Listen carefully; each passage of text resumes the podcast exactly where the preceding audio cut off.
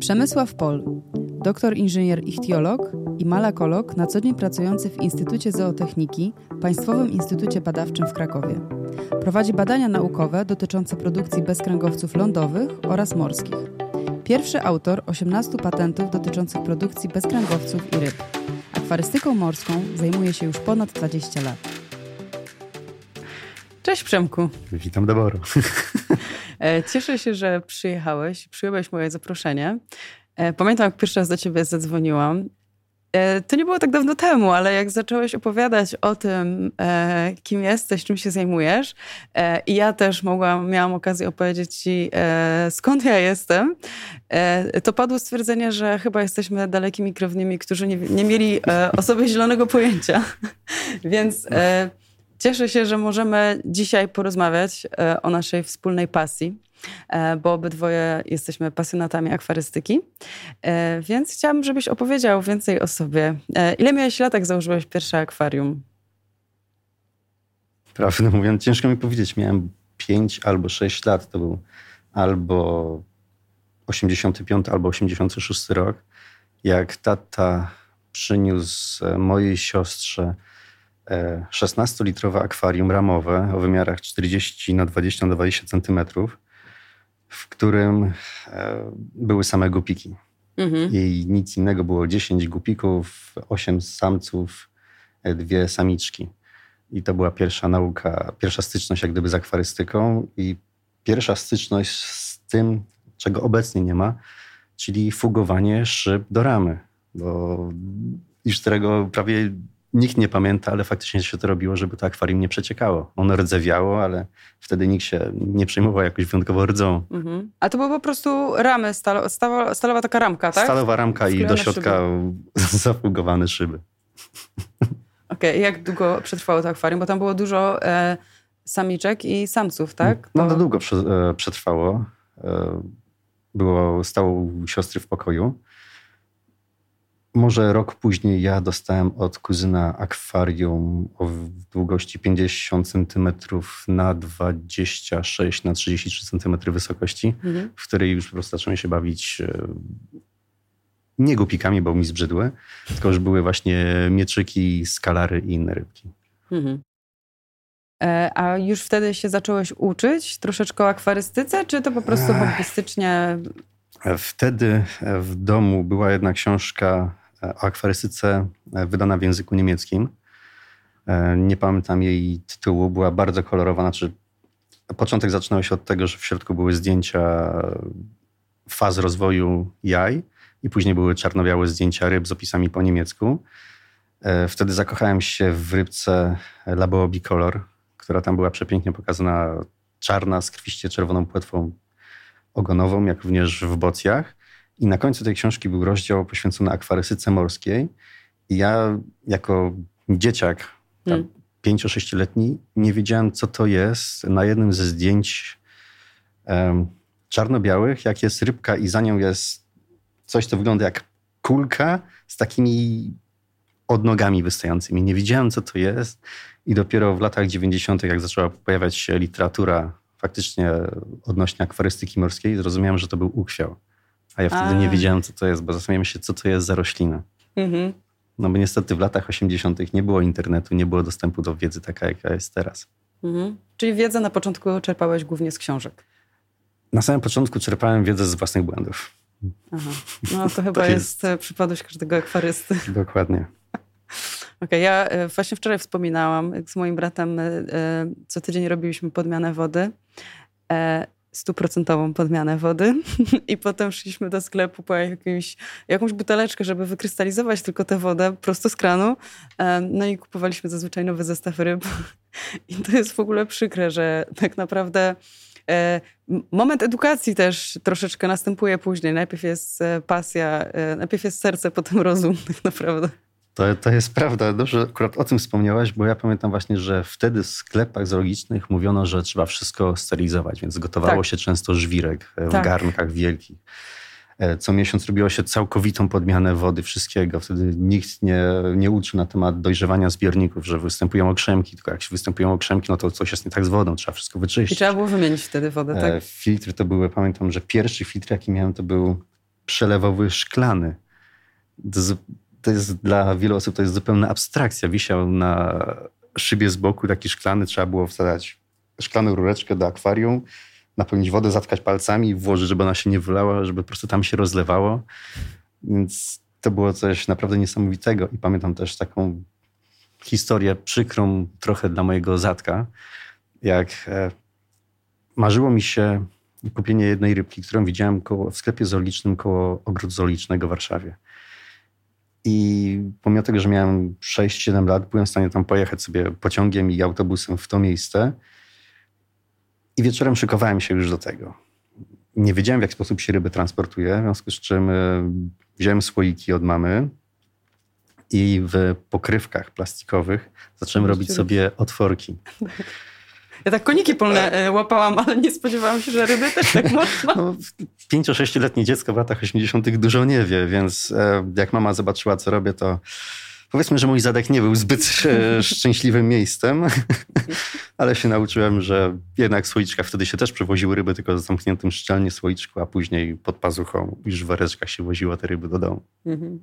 Także na, na własnym bólu się nauczyłem, w jaki sposób się kupuje rybki. Na pewno na przestrzeni lat e, widzisz, jak ta akwarystyka się zmienia. Nawet to, że właśnie kiedyś była ta wiedza, wszystko sterylizujemy, dajemy magiczne krople e, i tak naprawdę ryby nie miały szans na przeżycie, ponieważ tam nie było żadnej biologii. Tak, takie są moje doświadczenia. E, ale ta wiedza myślę, że się bardzo też zmienia. E, zarówno wiedza, jak i edukacja, jak i nasze doświadczenia.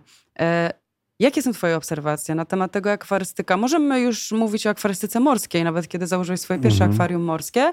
Jak ona się zmieniła na przestrzeni lat do dzisiaj? Powiem, że jest ogromna zmiana, e, chociaż jest jedna rzecz, którą ja do tej pory stosuję z lat 80., e, którą jak gdyby wyjąłem z książek Hansa Freya, bo tam było dużo rysunków i tam były też kartki pokazane, że Najlepiej zrobić najpierw szkic akwarium, jak wygląda. Tam było pokazane, w jaki sposób należy moczyć korzenie, w jaki sposób je czasem robić konstrukcje z nich, nadziewać. Więc ja do dnia dzisiejszego robię szkice w skali z reguły 1 do 10 każdego akwarium, każdej hydrauliki, jaką po prostu tworzę, więc wszystko jest rozrysowane. Natomiast akwarystyka się wyjątkowo mocno zmieniła, zwłaszcza podejście do systemu filtracji, bo wcześniej były te przelewowe szklane. E, wszyscy stosowali też głośne strasznie brzęczki i kostki, tak. żeby napowietrzać te zbiorniki. Później weszły filtry kubełkowe, które mi się marzyły, na które niestety nie było mnie stać. Firmy Eheim, które mhm. wyglądały jak takie po prostu przezroczyste, zielone plastiki. A w akwarystyce morskiej e, filtracja, z tego co ja pamiętam, z początku lat 90. zaczęła się od filtrów tak zwanych podżwirowych brało się płyty faliste, które się brało normalną piłkę do metalu, robiło się delikatne otwory, nacinało się, potem robiło się jeden otwór w jednym miejscu, wkładało się tam jedną rurkę, z drugim miejscu robiło się drugi otwór, wkładało się tam drugą rurkę, wkładało się tam często kostkę napowietrzającą albo filtry tłoczył wodę, żeby ona po prostu przelatywała pomiędzy e, tą płytofalistą, tymi otworami, zaciągała wszystko, co jest ze żwiru i wypływało do góry, więc e, to był taki też pierwszy film, którego który zobaczyłem w jednej z książek i też go wykonałem i faktycznie... Wykonałeś, czyli używałeś te, Tak, tak. Ja większość filtrów jednak mimo wszystko musiałem sam robić, bo nie było mnie stać, więc patrzyłem na rysunki i starałem się je odzorować u siebie. Aha, stąd to zacięcie techniczne, bo ty... No stąd to, że do tej pory robię własne filtry. no tak. Masz jakąś ulubioną e, rybę, koralowca? Masz jakieś takie zwierzątko, Ech. które zawsze jest w każdym twoim akwarium? Bo jak rozmawialiśmy wcześniej, to mówiłeś, że miałeś około 13 akwariów morskich już. Tak. Mm, więc y, czy jest jakaś, jakieś takie zwierzątko, które w każdym akwarium chce, żeby się pojawiło? Nie. Nie.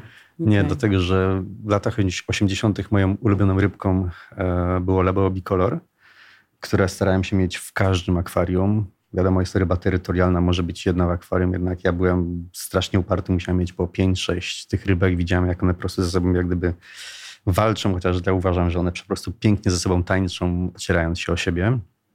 Nie każda walka wygląda źle, no, wyglądają pięknie. Natomiast rybką, która zawsze mi się marzyła od dzieciństwa, którą zobaczyłem na rysunku e, w książce Hansa Freya, która zupełnie inaczej wyglądała na rysunku niż w rzeczywistości, mhm. To był sumik Dysichthys coracorideus, który mi się marzył. I do tej pory marzę, że założę sobie jeszcze raz słodkowodne akwarium, tylko mhm. niskie, tam 25 cm wysokości, w którym będę miał wysypany piasek kwarcowy, te rybki i do tego dołożę jeszcze neoninesy, żeby po prostu ładnie to wyglądało, ale jest rybka, która mi się zawsze marzyła, ale nigdy jej nie miałem. A coś stoi na przeszkodzie? To jest dostępna ryba? W tym momencie jest dostępna, mm -hmm. ale do 94-5 roku tej ryby w Polsce nie było. Można było ją tylko zobaczyć w książkach tak, z bo, Niemiec, więc... No. Bo ta dostępność e, wszystkich ryb e, i koralowców też się zmieniła na przestrzeni lat. Tak. Kiedyś to były, mieliśmy albo miękkie koralowce, Potem się pojawiły seriatopory, potem pojawiły się akropory, potem się pojawiły akropory z Fidżi. E, I, i, ja, i ja jestem e, krócej w tym hobby niż ty i ja już widzę ogromne zmiany. Jest ogromne jak, zmiany. jak to się zmienia? Znaczy ja widzę ogromną zmianę, bo jak zaczynałem z morską w 2001 roku mniej więcej, mhm. to wtedy kupowało się żywą skałę prawdziwą, żywą skałę, a nie to, co teraz często jest, że niby żywa skała. Mhm. Wtedy się wkładało tą skałę do akwarium. Było od razu aiptazji, nie wiadomo ile, wieloszczetów. Po prostu jak się zapaliło w nocy światło, to się to wszystko chodziło. Ale... Ja kiedyś miałam, próbowałam, ale pokonał mnie smród.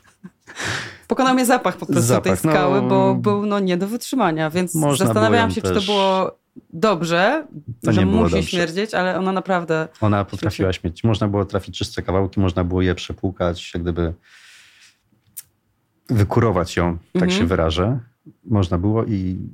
Ale życia było tam multum i przede wszystkim wtedy, jak ktoś zakłada akwarium z żywą skałą, to nie znał pojęcia okrzemek. Praktycznie ich nie było. Po prostu wkładało się, że wszystko było żywe, zalewało się i nie było żadnego zakwitu. Mhm. Jak przeszedłem na suchą skałę, to nagle zaczęła się ogromna walka z okrzemkami, które po prostu dominowały zbiornik. Nie wiadomo było, jak z nimi walczyć.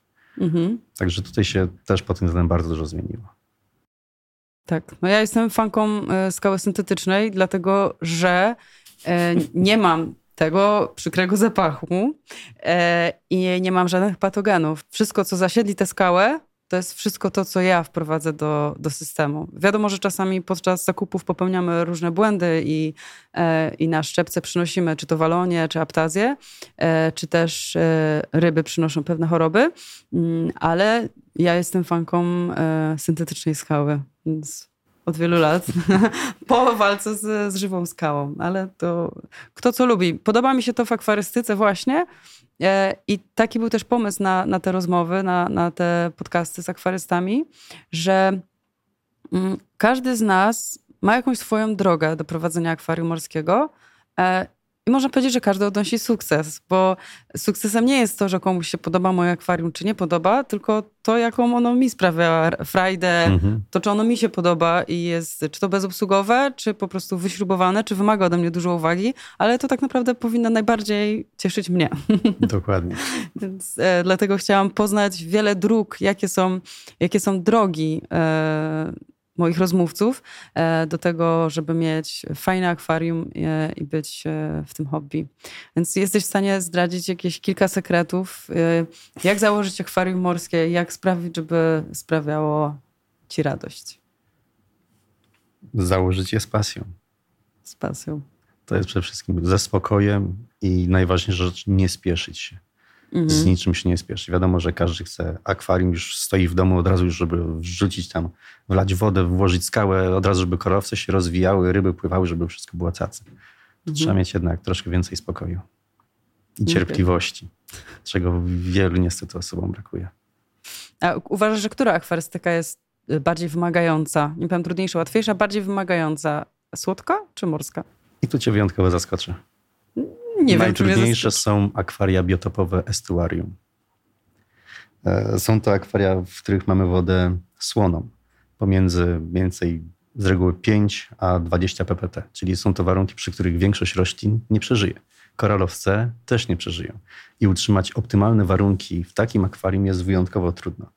To co tam możemy hodować w tego typu akwarium? Można hodować e, niektóre gatunki babek, kolcobrzuchy, monodaktylusy, argusy i w połowie lat 90. te ryby w Polsce zaczęły się pojawiać jako ryby słonowodne, które mogą być zaadaptowane do akwarium morskiego. I... Z monodaktylusami tak chyba do tej pory jest. Tak. Ja pamiętam, jak ja startowałam z akwarystyką morską, to pani, ja mówię, ładne rybki, wyglądają jak skalary, ale pani mówi, ale one już lubią słonawą. Słoną, Powiedziała tak. mi słonawą, ale że mogą się zaadaptować. Dalej tak jest? Tak Dalej tak jest, że można je trzymać do pewnego rozmiaru w wodzie słodkiej, później już muszą mieć zasolone, a już jak przekroczą, nie pamiętam, 8 centymetrów, już mogą spokojnie żyć w warunkach morskich. Tak naprawdę one mogą żyć od samego początku w warunkach morskich, tylko trzeba je spokojnie zaklimatyzować. I Mhm. to są rybki, od których zaczynałem i bardzo mi się podobało. Mhm. Tylko teraz już są praktycznie niedostępne. A, czyli jednak to się też zmienia. Się też Dostępność. zmienia. Myślałam, że po prostu im, e, im później, tym wszystko jest dostępne. Nie, ale właśnie monodaktylusu nie. Ja bardzo chciałbym mieć właśnie w morskim monodaktylusa. Bo jest Mhm. przepiękną rybką, która się ma przepiękne łuski, które przy świetle niebieskim bardzo ładnie wyglądają. Mhm.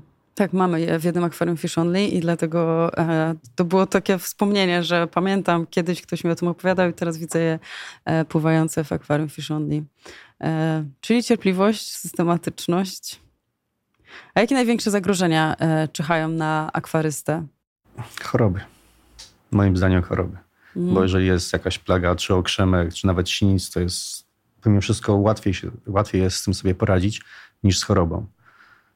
Chorobą ryb. Chorobą głównie, ryb, tak? tak. Mhm. Szczególnie źle zidentyfikowaną. Okej. To może możemy skorzystać z Twojej wiedzy e, i e, ponieważ masz zaplecze naukowe, więc e, może mógłbyś opowiedzieć, jak prawidłowo wprowadzić rybę do akwarium? E, coś może temat, na temat aklimatyzacji. Jesteś w stanie nam zdradzić kilka tipów, e, a potem nam e, może opowiesz o tym, jak leczyć ryby, jak identyfikować, gdzie się zgłosić, co wdrażać. Powiem tak, najczęstszą chorobą, która jest w akwarystyce morskiej, to nie jest kulorzęsek, tylko jest to odinoza, która jest bardzo często przez wszystkich mylona, że to jest kulorzęsek. Są pewne różnice w przypadku tych chorób. Jesteś w stanie powiedzieć, jakie to różnice, żebyśmy mogli Znaczy, też... e, przy odinozie kropeczki są dużo mniejsze. Mhm. Jeżeli na przykład mamy w akwarium błazenka albo doktorka, to możemy zauważyć, że te ryby potrafią zrzucić e, część śluzu, który wygląda jak taka galaretka pokryta e, takimi białymi kropeczkami. Mhm. I wtedy już możemy mieć pewność, że to jest na pewno praktycznie odinoza. Mhm. Więc są to ryby, które często potrafią dłużej wytrzymać przy tej chorobie. Mhm. No i jak leczyć? Co dalej? To jest coś, co się nie podoba zapewne żadnemu akwaryście, bo w przypadku odinozy, zresztą w przypadku koleżeńska postąpimy dokładnie tak samo. Wyłowić wszystkie ryby i umieścić na kwarantannę. Wiadomo, Wszystkie, tak? wszystkie, Nieważne, która jest zainfekowana, wszystkie ryby, wszystkie. dlatego że patogen znajduje się w tym momencie w akwarium, więc jeżeli ryba w tym momencie nie ma objawów zewnętrznych, to nie znaczy, że już nie jest zainfekowana. A powiedz mi, czy patogeny y, mogą się przenieść na skałę, bo ryby też śpią w skale, ocierają się, też podczas Patogeny choroby one się będą, ocierają. jak są w formie pływającej, Mhm. to one mogą być e, w każdym miejscu. Przecież one pływają w wodzie, no to zawsze będzie coś na skale, zawsze będzie coś na piasku. Mhm. Także po prostu całe akwarium jest jak gdyby... Musi też przejść kwarantannę. W przypadku kulorzęska niech to będą dwa tygodnie. W przypadku odinozy ja bym nie wpuścił żadnej ryby przez okres przynajmniej 3-4 tygodni, o ile nie więcej. Mhm. A kwarantannę, no niestety nikt nie ma z reguły zastępczego zbiornika, w którym może sobie umieścić ryby. Ja mam tą przewagę, że w instytucie mamy akwarium dedykowane pod kwarantannę, więc w tym momencie wszystkie ryby, które kupujemy, wchodzą najpierw tam.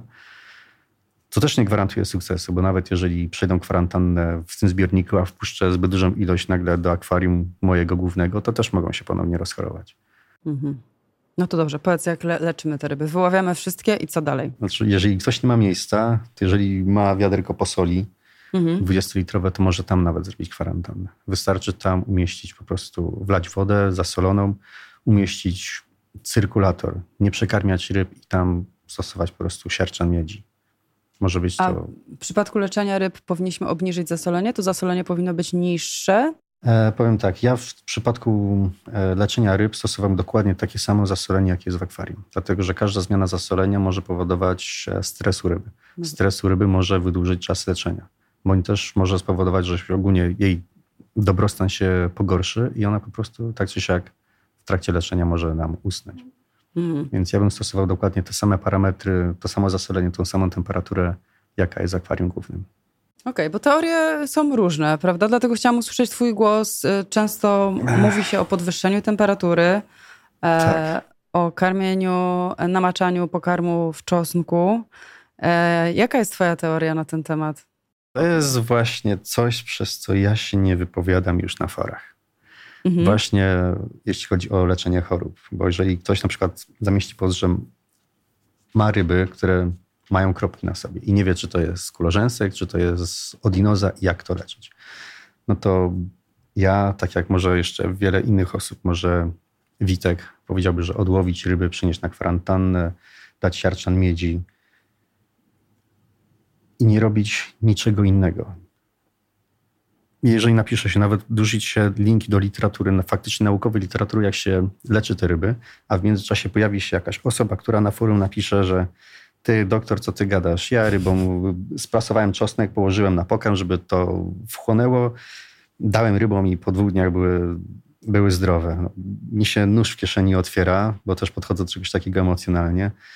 No, mhm. Takich rzeczy nie można robić, no bo czosnek, wiadomo jak ktoś, my zjemy za dużo czosnku, co się z nami dzieje, a ryby, które tego czosnku w naturze nie mają i one mają dostać ten czosnek, one często wypluwają ten pokarm, jeszcze gorzej się po tym czują. No, mhm. Lepiej... Czyli nie leczymy ryb czosnkiem. Ja bym nie leczył. Wiadomo, są preparaty czosnkowe dla spokoju ducha, można dać kropelkę. Też mhm. ja tego bym nie robił. Ja po prostu przeniosłem je do, nawet do wiaderka na kwarantannę. Mhm. I zastosował faktyczne leczenie. Okay. I leczymy siarczaną miedzi i po czasie ilu tygodni? Dwóch? Ja bym tak naprawdę na kwarantannie ryby trzymał 4 tygodnie i tak samo 4 tygodnie kwarantanny w tym momencie w zbiorniku głównym, żeby na pewno formy, które są jeszcze patogenu w mhm. formie pływającej, żeby na pewno nie znalazł żadnego żywiciela, żeby po prostu one obumarły.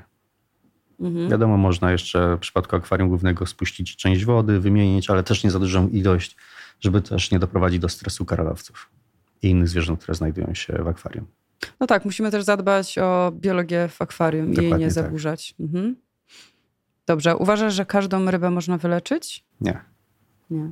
Choćby się miało najszczersze chęci, wszystko wyglądałoby, że wszystkie ryby będą zdrowe, zawsze trzeba być przygotowany na to, że akurat tej, na której nam najbardziej zależało, nie da się uratować. Mhm. A spotkałeś się z taką chorobą, z którą jeszcze nie miałeś do czynienia? Te choroby się zmieniają?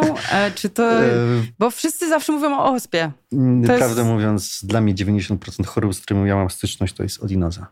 Mhm. Rzadko kiedy, praktycznie w ogóle już w tym momencie nie spotykam pasożytów, które osadzają się na skrzydłach bądź na y, układzie pokarmowym. Mhm. Wyjątkowo rzadko. Z reguły to jest naprawdę odinoza, bo krużęsek jednak jest stosunkowo łatwy do wyleczenia, więc ale częściej w tym momencie, nie wiem czy to przez, ze względu na transport, jakim e, podawane są ryby, zanim trafią u nas do sklepu, czy przez coś innego, ale częściej występuje odinoza. Chorób ryb możemy uniknąć poprzez kwarantannę. Czy zawsze należy robić kwarantannę ryb? Nie. Powiem tak, ja bym mimo wszystko zawsze robił kwarantannę, zawsze. Jeżeli bym nie robił kwarantanny, to musiałbym wprowadzić ryby z tego samego sklepu i z tego samego obiegu, bo trzeba mieć na uwadze, że sklepy mogą mieć szereg akwarii i każdy szereg jest z innego obiegu, jak gdyby. Tak. Więc jeżeli mi połączymy ryby z dwóch obiegów, może być coś stresującego. I przede wszystkim nie wpuszczałbym dużej ilości ryb naraz. To mhm. mniejsze liczby i później powoli wpuszczać ryby, które nie będą agresywne w stosunku do tych, które teraz są w zbiorniku. Mhm. Bo to też może być czynnikiem wywołującym chorobę, znaczy sprzyjającym e, powstaniu po prostu choroby. Mhm. Bo tak, ryby mają jest... choroby w sobie cały czas, tylko po prostu czekają na niekorzystne warunki, żeby się one po prostu uwidoczniły. Mhm. I jak powinna wyglądać taka kwarantanna? Mówię, no albo tak jak jeśli ktoś ma zapasowe akwarium, to w mhm. zapasowym akwarium i tam wystarczy tylko odpinać niewiele złoży biologicznych, po prostu nie przekarmiać ryb, może tam częściej wodę podmieniać. I obserwacja tak naprawdę, czy nie pojawia się żaden patogen, tak? tak czy nie dokładnie. pojawia się żadna choroba? Żadna, mhm. Czy nie pojawia się żadna choroba, dokładnie. Dobrze.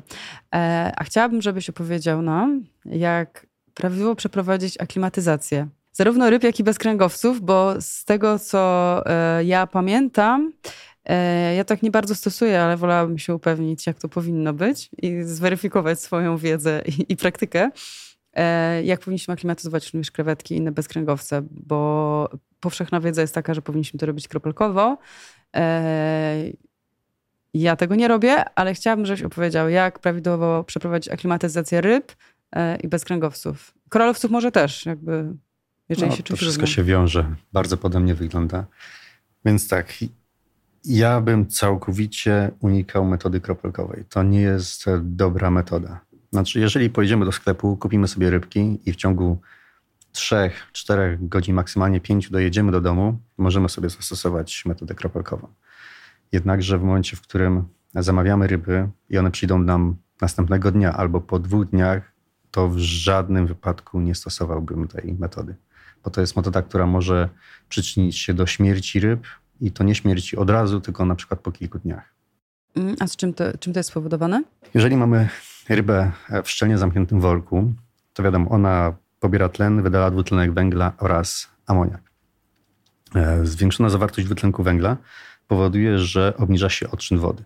Obniżający się odczyn wody sprawia, że amoniak znajduje się w formie nietoksycznej.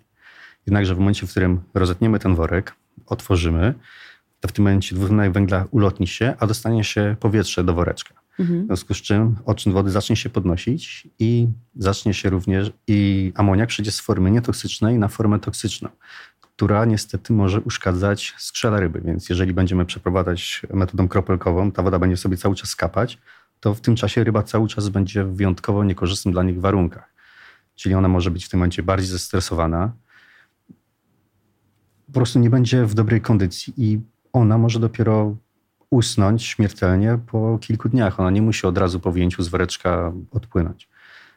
Zdecydowanie lepszym sposobem jest po prostu wzięcie tego woreczka, wylanie do wiaderka na przykład z wodą, wzięcie tej samej ilości wody, która była w woreczku, wlanie z powrotem tego wiaderka, żeby ona już miała pomimo wszystko ten amoniak w nie aż tak toksycznej formie. Mhm. Odczekać chwilę, czy minutę, czy dwie, wylać trochę wody z wiaderka i wlać znów wodę z akwarium do tego wiaderka. To ile czasu powinna trwać taka aklimatyzacja? Zależy wszystko od e, czasu transportu ryby do mhm. nas. Czy to była doba, czy to były dwie doby. I można takie podmiany robić pół litra raz na minutę, można robić raz na dwie minuty, na trzy, czy na pięć minut. Czy to jest taka szybka aklimatyzacja? To jest stosunkowo szybka aklimatyzacja, mhm. zdecydowanie tak. Czyli w, jakby ryba w worku jest bezpieczna, bezpieczna do momentu, kiedy jest ten worek zamknięty. Dokładnie. E, czyli wyrównanie temperatury chyba jak najbardziej, ponieważ po transporcie w różnych temperaturach możemy sobie dać do sampa, czy do komina, czy po prostu do głównego tak. akwarium, ale w zamkniętym worku. A potem, jak już otworzymy worek, aklimatyzujemy, wymieniamy wodę, żeby e, rozcieńczyć te Dokładnie szkodliwe tak. substancje. I tu mhm. akurat bardzo dobrze o tym wspomniałaś, bo jest jeszcze, jest jeszcze kilka ważnych rzeczy, jeśli chodzi o aklimatyzację ryb. Mhm. Jeżeli na przykład chcemy, mamy te woreczki z rybami i chcemy umieścić je w zbiorniku głównym, to albo całkowicie przyciemnijmy światło, albo wyłączmy całkowicie. O. Światło jest czynnikiem wyjątkowo mocno stresującym. Jeżeli ryba przebywa dobę w całkowitej ciemności i nagle damy ją pod lampy, które wyjątkowo mocno świecą, one będą się wyjątkowo mocno stresować, więc będą wydalać jeszcze większą ilość amoniaku, co później po otworzeniu woreczka znów sprawi, tak. że ta będzie więcej toksycznego amoniaku. To jest tak samo z własnej autopsji. Wiem, że jakbym chciał zimą obudzić żonę, zapalając maksymalnie światło w pokoju, to usłyszę epitety w moim kierunku, zwłaszcza ze słowem zgaś to światło, więc... Zgadzam się, nigdy nie wolno tak robić. więc w przypadku bez takich delikatnych zwierzątek tym bardziej, więc mhm. całkowita ciemność jak najbardziej powinna być w czasie aklimatyzacji. Dobrze, super. Zgaszone światło, wyrównujemy temperaturę w zamkniętym woreczku. W momencie otworzenia woreczka i jak najczęściej, jak najszybciej wymieniamy wodę, żeby obniżyć e, ten szkodliwy amoniak na ryb. Mm, a czy różni się to jakoś od aklimatyzacji krewetek? Zazwyczaj krewetki, ja, ja miałam taką naukę kropelkowo, bo one są strasznie delikatniutkie, strasznie i nigdy nie udało mi się zrobić tego kropelkowo. Ja jestem zwolennikiem szybkiej aklimatyzacji, więc e, cieszę się, że potwierdzasz to, co ja miałam poukładane w swojej głowie. E, ale jak w przypadku krewetek? W przypadku krewetek, kupując do domu, zrobimy tak samo jak w przypadku ryb. W przypadku zakupu większej liczby krewetek do doświadczeń naukowych zrobimy odrobinkę inaczej. I zrobimy dokładnie tak samo, jak ja aklimatyzuję koralowce w przypadku transportu. E, jeżeli na przykład zamawiamy e, delikatne koralowce, to proszę sklep, żeby przy okazji wysłał mi w woreczku samą wodę, niewielką ilość wody. I to jest w tym, ja sobie wkładam e, woreczki z bezkręgowcami do akwarium. W tym czasie otwieram sobie woreczek z wodą i patrzę, co jest w wodzie, jakie jest stężenie wapnia, jakie jest stężenie magnezu, bo to mnie w tym momencie interesuje. Porównuję to ze stężeniem, jakie mam mieć w docelowym akwarium i sobie w tym momencie obliczam, ile litrów wody muszę dodać do aklimatyzacji za pierwszym razem i za drugim, za trzecim w stosunku do tego, co jest, e, jaka jest woda w woreczkach. Żeby właśnie, ale to tylko w przypadku naprawdę delikatnych koralowców, jak mhm. SPS-y. W przypadku miękkich, tak samo jak przy rybach, nie będzie różnic. Mhm. W przypadku niektórych LPS-ów, Acantastera, Blastomosa, Caulustera można też zastosować tak samo jak w przypadku ryb, ale przy no, akroporach jednak wolałbym mieć większą pewność w stosunku do tego, co było w wodzie, która była w transporcie. Powiedziałeś WAP, magnes, powiedziałeś KH? KH. Nie powiedziałem o KH. A, a jest ważne? Bo ja bym sobie, gdybym ja teraz kupiła sobie wrażliwą akroporę, prawdopodobnie gdybym miała coś sprawdzić, to pewnie bym sprawdziła tylko KH. Wiadomo, no, KH też można sprawdzić, ale poziom wapnia magnezu też potrafi wiele powiedzieć o wodzie. Mhm. Jak najbardziej też można sprawdzić KH. Mhm. To też przyczynić jaki parametr jest według Ciebie kluczowy? W, w akwarystyce? Tak. w tym momencie wszyscy mają ogromną wiedzę na temat e, wapnia, magnezu, mhm. od e, twardości węglanowej, a dla mnie w tym momencie rzeczą, którą ja monitoruję, są to fosforany. To jest rzecz, którą, która dla mnie jest najważniejsza do monitorowania.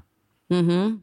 Ja na temat fosforanów mam przemyślenia, że to też się bardzo zmieniło na przestrzeni lat, bo kiedyś na siłę zerowaliśmy, Potem się tak. okazało, e, nie, to jest jednak pokarm. Nie, nie zerujmy tego. Niektóre koralowce tego potrzebują. Potrzebują wszystkie, bo tu musi być jednak zachowana tak. równaga, równowaga między azotem a fosforem w wodzie. Mhm. Nie można tego zaburzyć. Jak się zaburzy, to nagle mamy dojrzałe niby akwarium, a to nagle znów zaczną wychodzić nam okrzemki, bo jest tak. zaburzona równowaga, więc... Czyli ta równowaga jest w sumie kluczowa. Jest bardzo kluczowa. PO4, ale PO4 e, dla ciebie jest najważniejsze. No PO4 jest dla mnie zdecydowanie ważniejsze. Mhm. A zasolenie? Jakie zasolenie utrzymujesz w 35 we wszystkich. 35. Bo to jest nawet łatwiej w przypadku doświadczeń przenosić zwierzęta z jednego zbiornika do, do drugiego, niż zastanawiać się, czy mam zaklimatyzować je do innego zasolenia, jakim czasie. Więc wolę we wszystkich zbiornikach mieć dokładnie tak samo. Mhm. E, a jesteś naukowcem z krwi i kości, więc może opowiesz nam o jakimś twoim najciekawszym doświadczeniu, jakie przeprowadzałeś. Na bezkręgowcach morskich dopiero w tym momencie mogę powiedzieć, że wykonuję z koleżanką dr Anną Dymek ciekawe eksperymenty, ale po prostu mm -hmm. nie mogę powiedzieć jakie. Mm -hmm. Mam nadzieję, że będą opublikowane, bo w tym momencie staramy się robić badania związane z poprawą dobrostanu zwierząt e, w trakcie transportu, po transporcie, jak również doprowadzić do sytuacji, w której w trakcie dzielenia matecznika na powiedzmy tak zwane szczepki, żeby zwierzę jak najmniejszym stopniu się stresowało. Mhm. Żeby po prostu później umieszczone w akwarium szybciej po prostu zaczęło polipować i było w dużo lepszej kondycji. No to jest ciekawe, bo to jest bolączka e, akwarystów. Czasami mamy takie koralowce, których się tak naprawdę boimy ciąć, bo często matecznik e, obrywa i obumiera i zostaje nam potem znowu sama szczepka. No to jest prawda. Szczególnie, że ja mam jeszcze na uwadze to, że jako pracownik naukowy to podchodzę pod wiele praw, a w tym momencie też prawo odnośnie hodowli zwierząt bezkręgowych się zmienia, że już one mm. muszą mieć być jednak w wyższym dobrostanie, więc musimy opracować system, który po prostu pozwoli zachować wyjątkowo dobrą kondycję zwierzęcia po wyjęciu z wody i w trakcie cięcia. Mm -hmm. To jest bardzo ciekawe, to będę na to czekać, na wyniki. No, mam nadzieję, że będą, bo w zeszłym roku złożyliśmy już cztery wnioski patentowe odnośnie tego i mam nadzieję, że w przyszłym roku zaczniemy już konkretne doświadczenia z tym. -hmm. Będę czekać, będę kibicować, bo jest to temat, który mnie, mnie również interesuje, jak, jak cała akwarystyka i, i po prostu nasza pasja. Mm, a powiedz mi jeszcze, czy robisz podmianę wody? Jeśli tak, to jak, jak często i jak duże? Bo to jest temat, który e, interesuje nas, akwarystów. E, zarówno w pracy, jak i w domu nie lubię. Nie, nie, nie, nie robię częstych podmian. Mhm. E, z reguły podmiany robię raz na trzy tygodnie, raz na cztery tygodnie. Wiem, że większość mówi, że podmiana powinna być raz na tydzień. Jednakże w przypadku naprawdę dobrze działającego systemu filtracji, w przypadku dozowania optymalnych wartości płynów, które potrzebujemy, często podmiany nie są aż tak wskazane w tym momencie. Jest wiele osób, które w ogóle nie robi podmian wody, a jedynie sobie dozuje płyny. Mhm. Ja jestem zwolennikiem podmian jednak, ale dlatego, że lubię jednak mieć takie czyste warunki, czyste e, warunki w akwarium, usuwać te e, szkodliwe substancje, ponieważ one też się gdzieś pojawiają. W momencie, kiedy mam przerybione akwarium, to warto robić te podmiany co tydzień, prawda? No, tu powiedziałeś coś e, też super, bo bardzo często, znaczy w większości przypadków przekarmiamy nasze zwierzęta. O właśnie. I to naprawdę przekarmiamy zwierzęta, w związku z czym stężenie fosforanów, azotanów leci do góry. No to mhm. jak najlepiej się tego pozbyć? Zrobić podmianę wody. Robimy podmianę wody, to spada. Ale znów przekarmiamy ryby i to znów rośnie. Jest, nie ma tej równowagi. Ale jeżeli jest całkowita równowaga tego, nie przekarmiamy ryb, system filtracji działa rewelacyjnie, to podmiana wody niczego dobrego, znaczy wiadomo, przyniesie trochę dobrego, bo ryby będą się czuć po prostu, wiadomo, troszkę lepiej, bo jeżeli nam przekarmiamy ryby i tylko robimy podmiany, to my nie rozwiązujemy problemu. Mhm. Po prostu dajemy sobie jakieś tam psychiczne poczucie bezpieczeństwa, że wszystko wróciło do normy, a cały czas popełniamy te same błędy. Mhm. Więc ja po tak często... często gotujemy, musimy często mieć gary, więc Dokładnie po prostu tak. jeżeli chcemy często karmić, to musimy często robić e, podmianę wody, bo e, no, trzeba wybrać jakiś... E, Dokładnie tak. Mhm. Ja z kolei jak robię podmiany wody u siebie w akwarium, to zawsze dochodzi do tego czyszczenia piasku, przynajmniej częściowo. Mhm. Może niezbyt głęboko, żeby wiadomo, bakterie były, ale czyszczę wtedy piasek mhm. przy okazji.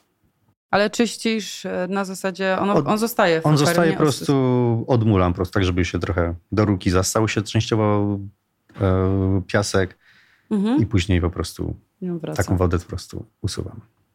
Dobra. I to właśnie tak wygląda podmiana wody u mnie, a nie po prostu wylanie wody i wlanie się. Mhm. No, głównie przy czyszczeniu piasku też yy, woda zostaje zabrana z systemu, tak? Więc, tak. Mhm. Więc no to samo wychodzi. Tak jest. Dobrze. A najpierw wlewasz wodę, czy najpierw wylewasz wodę? Bo to też jest ciekawe, są różne eee, szkoły. Powiem w ten sposób. Stosuję dwie metody. Zawsze najpierw pobieram wodę z akwarium i dopiero później wlewam świeżą. Bo jakbym wlał świeżą, to jak gdyby rozrzedzam sobie już stężenie amoniaku, czy tam mhm. azotanu, fosforanu w wodzie i usuwając to nie usunę tyle amoniaku i ogólnie tych związków, jak, jaki bym chciał. Mhm. Więc zdecydowanie najpierw usuwam. Okay. I robię to albo ręcznie, albo stosuję do tego pompy dozujące, że umieszczam sobie w sampie wężyki. Mhm. Jedna pompa tłoczy z akwarium z komory, gdzie znajduje się roller do wiaderka usuwa wodę, a z drugiego wiaderka pompa dozująca tłoczy mi świeżą wodę koło pompy obiegowej, tak żebym po prostu nie wymienił tej samej wody. Więc to jest takie dla leniwych. No, Fajnie jest to, że możemy sobie kombinować dalej i, Dokładnie. i się bawić tą akwarystyką, nawet przy podmianie wody. E, dobrze, Przemku, ja Ci bardzo dziękuję. Myślę, że to jest e, fajny odcinek. Mogłam się dużo nauczyć o aklimatyzacji i kwarantannach. E, I tyle. Dziękuję Ci bardzo. Ja również pięknie dziękuję. Dzięki.